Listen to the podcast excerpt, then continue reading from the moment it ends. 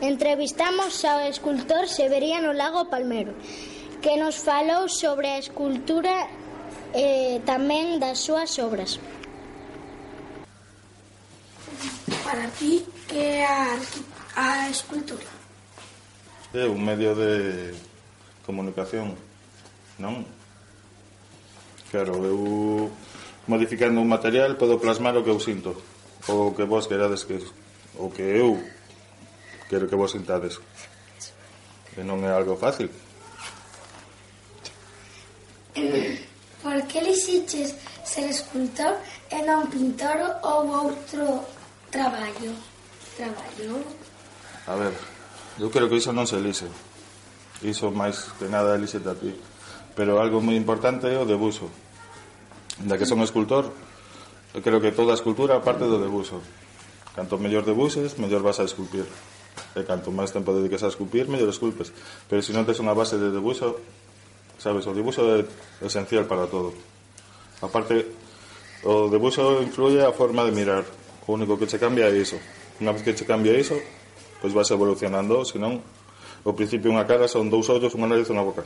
Non? Despois, xa que andar vamos fixando máis, hai párpados, xa hai... Claro, hai os beizos, como se moven, os músculos que hai debaixo, É importante todo. Ah. Gusta o teu traballo? Sí. É que iso non non poder ni justificalo, claro. Sí, aparte leva moito tempo. Leva moito tempo, bueno, requiere esforzo. Eh, agora aparecen novas técnicas eh, e tamén interesantes velas. Bueno, eu fago escultura figurativa. Entón, escultura figurativa hai como tanta xente aí neste mundo, non? porque todos somos humanos, pero ao mesmo tempo todos somos distintos do que temos ao lado. E todos somos igual de importantes, entón sería bo Desde cando quería ser escultor? Non sei, desde pequeno xa. Pero bueno, bastante máis maior que a vos. Claro, o importante é que non... Eh, que para decidir ou penses E aparte, moitas veces non vai nin pensalo. Porque ti vas facendo cousas e cando ves que se che dá ben, que o esforzo que leva non che, non che costa, pois entón dices, va, igual isto vale. Pero se non é complicado, no vosso tempo tedes que probar de todo, o sea, pintura, matemáticas e nada máis. Con cantos anos empezaste a esculpir? Non sei, quería 15, 16. En que tipo de esculturas faz habitualmente? Escultura figurativa, o que vedes é que sempre hai un, ou un home ou unha muller, porque iso é o que me transmite. O sea, un obxeto para min non ten valor se non é visto. É o único que o pode ver e que o pode entender ou que o pode racionalizar, digamos, é un home.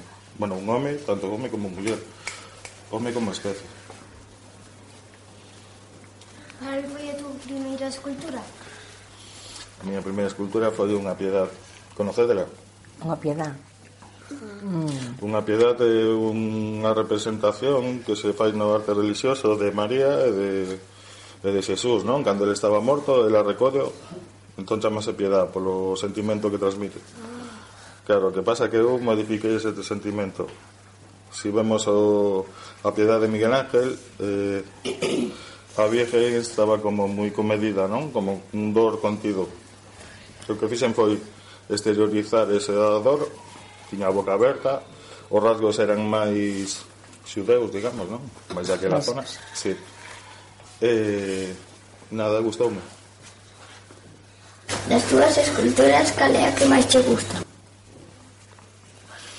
Pois non te sabría decir. Gústanme todas porque de todas aprendes pero non podería dicirche esta ou outra.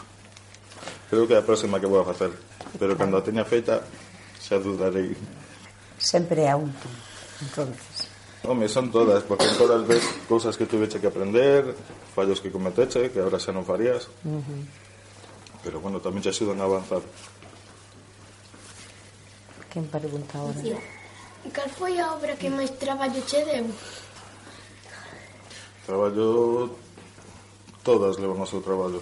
O sea, non depende tanto do tamaño como do material. Por exemplo, esta peza negra deme muitísimo máis traballo que esa blanca. Esta de aquí, uh -huh. son as dúas de pedra, porque esta é unha califa, pero este é un granito negro. O granito negro é moito máis duro. Entón, para facer este rebaixe, levoume o triple de traballo que aquel. Que pasa? Que se leva de tempo o traballo, pero bueno, eu creo que un escultor ao final o que sente a recompensa de ver como quedou non creo que cuantifique se che quedou de moito traballo ou pouco, uh -huh. senón de como queda ao final o resultado claro máis? Cal é a escultura máis importante na tua carreira? A escultura máis importante na miña carreira é que che digo, Eva, que está por facer sempre Canto tempo tardas en facer unha escultura? Eh, Eu creo que o máis laborioso é atopar a idea. Unha vez que tes a idea, pois igual tes que facer unha maqueta, despois desa maqueta escolles un material e comezas a traballala. Pero creo que o máis complexo é atopar a idea. Porque para un escultor calquer representación sería válida, pero ti tes que escoller. E para escoller tes que quitar un feixe de opcións. E despois estar seguro de que esa é a boa. Sendo que cando estás acabando, dudes. Xa. Entendes? Eu creo que é máis iso, o traballo previo que despois o traballo manual. O traballo manual pode facelo calquera. Donde xa de seguir un, unha serie de pautas, conocer o material, traballalo da maneira que, que o material pide, e xa está. O máis complicado é a idea. Mira, a ver, había alguén máis? A ver. Que materiais utilizas para facer as túas esculturas? Gusta a pedra. Que pasa? Que a pedra é moi lenta. Sabes? Porque temos que andar aí brocando, tes que repasar, tes que volver a apretar. Últimamente estou máis con resinas e con, e con lates. Hai un escultor moi bo que se chama Ron Mueck, que non sei se coñecedes. No, pois é escultura hiperrealista, chamas. Eh, el coloca ollos de cristal, coloca uñas, coloca dentes, coloca pelo e fanas de silicona. É un tamaño gigante. E segue sendo figura humana. Pero o cambiar a escala, a sensación que ti tes diante dela é moi moi distinta a calquera outra escultura. Buscar, ah, buscaremos, buscaremos, sí, porque é interesante. É moi ah, pero... moi sorprendente ver unha escultura hiperrealista. Como se chama? Ron? Muec. Muec. Ahora chegar a clase se buscamos. Bueno, e despois en España hai moito escultor moi bo. Podedes buscar tamén a Samuel Salcedo. Acordádevos, Ron Muec e Samuel Salcedo. E, Salcedo e Muec. Se buscamos. Muec. Despois, para acordarse, Ron Mueca. Despois de Fins, quen tiña? Ai, tú. que pasos hai que seguir para facer unha escultura de metal? De metal? Pues, Si, Sí, algo traballei. Eh, o metal non é o meu material. Pode soldar. Sei soldar algúns puntos, pero bueno. O mellor é preguntar a quen sabe. entón, eh, normalmente é que unha escultura Para facela podo darche oito pasos, non?